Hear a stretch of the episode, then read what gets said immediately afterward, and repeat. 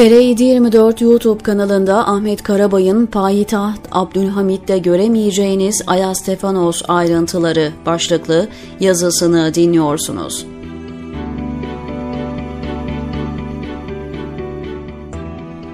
Rusya'nın Ukrayna'nın doğusunda ayrılıkçıların Donbas bölgesinde ilan ettiği iki cumhuriyetin bağımsızlığını tanıması ve buraya askeri güç göndermesinden sonra Türkiye'de Rusya konusu yeniden tartışılmaya başlandı. Ruslar bölgelerinde güç kazanmaya başladıktan sonra Akdeniz'in kapısı olarak gördükleri Osmanlı ile 16. yüzyıldan itibaren pek çok savaşa girdi. İlk olarak 2. Selim zamanında 1568-1671 yıllarında yaşanan Astrahan seferlerinde karşı karşıya gelindi. Bu savaş Rusların açık bir zaferiyle sonuçlandı. Taraflar 1918'e kadar 13 kez karşı karşıya geldiler. Savaşlarda zafere giden taraf üçü hariç hep Rusya oldu. Osmanlı'nın batılı müttefikleriyle yaptığı Kırım Savaşı'nı bir kenara bırakırsak Ruslara karşı kazanılan son savaş 1735-1739 Osmanlı-Rus-Avusturya Savaşı'ydı. Bu savaşlarda Osmanlı çok asker ve toprak kaybetti.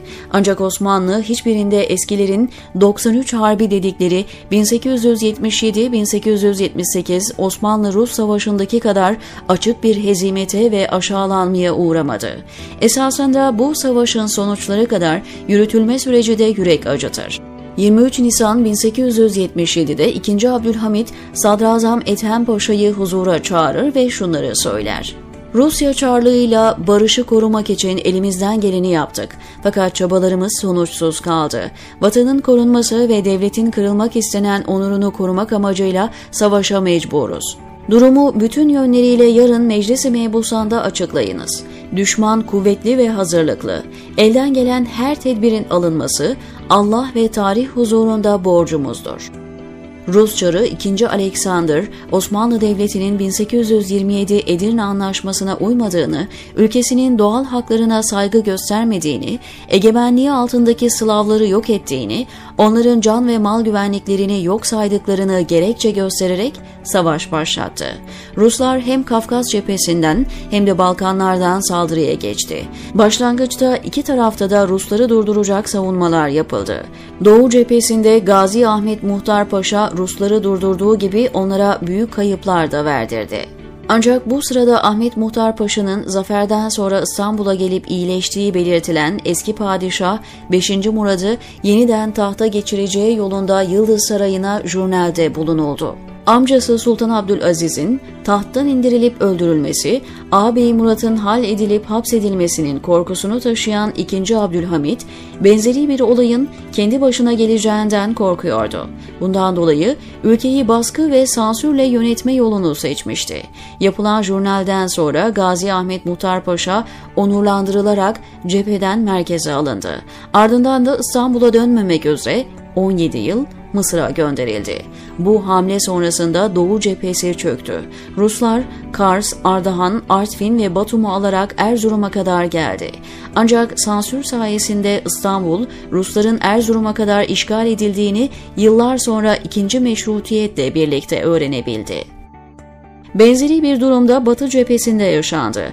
Rus ordularının Balkanlarda saldıracağı tek yer Osmanlı hakimiyetinde olan Romanya'daki Siret, Sava nehriydi. Burada savunma hattı oluşturulup önemli bir direniş sağlandı. Sırbistan ve Karadağ'da isyancılar bastırıldı. Başta Osmanlı'nın yanında olan Romanya Kralı 1. Karol bir süre sonra Rusların tarafına geçti. Osmanlı bu kez savunma hattını bugün Bulgaristan sınırları içerisinde yer alan Plevne'de kurdu. Vidin'deki Osmanlı kuvvetlerinin komutanı Osman Nuri Paşa, askerin konuşlandırılması ve savunma hatlarının oluşturulmasında isabetli tercihler yaptı. Bunlar arasında Plevne savunması önemli bir yer tuttu. Plevne savunması diye tek bir savaş bilinse de aslında aynı yerde yapılan 3 muharebe söz konusu. Birinci ve ikinci muharebelerde Ruslar 11 bin, Osmanlı 3 bin kayıp verdi. Bunun üzerine Padişah 2. Abdülhamit Osman Paşa'ya çeşitli hediyeler gönderdi ve gazilik ünvanı verdi. Osman Paşa'nın destanlaşan savunması bu 3. muharebedeydi. Rusların kaleyi kuşatacağı ve hareket kabiliyetinin kalmayacağı Yıldız Sarayı'na rapor edilse de 2. Abdülhamit kaleden çıkılmaması emrini verdi. Osman Paşa 145 gün boyunca kendisinden çok kalabalık Rus ordusuna karşı büyük bir savunma yaptı. Bu sırada Rus ve Rumen birliklerinin ortaklaşa yaptığı 3 taarruzu başarıyla püskürttü. Ancak merkezden gönderileceği söylenen gıda ve mühimmat bir türlü ulaştırılamadı. Merkezden yardım alamayan Osman Paşa sonunda Yarma Huruç harekatına kalkıştı. Çok güçlü kuşatma hattını yaramadı ve yaralandı. Sonuçta birlikleriyle teslim olmak zorunda kaldı. Grand Nikola kumandasındaki Rus ordularının önünde bir engel kalmamıştı. Böylelikle Balkanların haritası bir daha eskisine dönmemek üzere değişmeye başladı.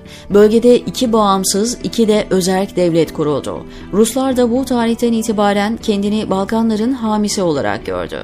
Rus orduları 10 ay 12 gün sonunda İstanbul'un giriş kapısı Yeşilköy'e dayandı. Ruslar Edirne'yi geçtikten sonra başkent İstanbul'un boşaltılması gündeme geldi. Ancak her şey o kadar hızlı gelişti ki hiçbir adım atılamadı. Ruslarla önce 31 Ocak 1878'de Edirne'de mütareke imzalandı. Rus güçleri İstanbul kapılarına dayanıp Yeşilköy Ayastefanos'a ulaştı. Rus ordularının kumandanı Grand Dük Nikola, Yeşilköy sahilindeki ünlü Villa Neriman'a yerleşti. Rusların Büyük Petro, Osmanlı'nın ise Deli Petro dedikleri Rus çarının sıcak denizlere inme hayali gerçekleşmek üzereydi. İkinci Abdülhamit, barış anlaşmasının bir an önce imzalanmasını istiyordu. Görüşmeleri yürütmek üzere daha önce 5. Murad'a yakınlığından dolayı İstanbul'dan uzaklaştırdığı önemli diplomat Sadullah Paşa'yı Berlin'den İstanbul'a çağırdı. Hariciye Nazırı Esat Saffet Paşa'nın yanına ikinci murahhas yaptı. Sadullah Paşa Yeşilköy'e kadar gelip burada barış görüşmelerini yürüttü. Ancak girişi yasak olduğu için İstanbul'u görmeden tekrar Avrupa'ya döndü. Viyana elçiliği sırasında da intihar etti.